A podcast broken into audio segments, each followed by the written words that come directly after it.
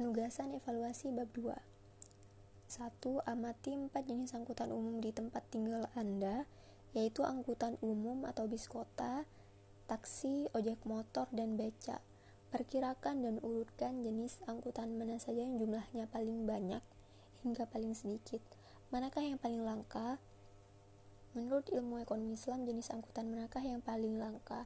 Diskusikan jawaban tersebut dengan kawan-kawan yang berasal dari kota atau daerah yang berbeda.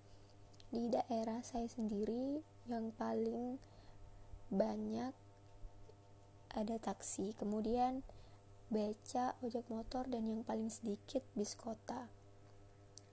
Pada saat ini keberadaan moda transportasi tradisional mulai terpinggirkan dengan adanya berbagai jenis moda transportasi modern. Moda transportasi tradisional dianggap kuno, ketinggalan zaman, dan lambat.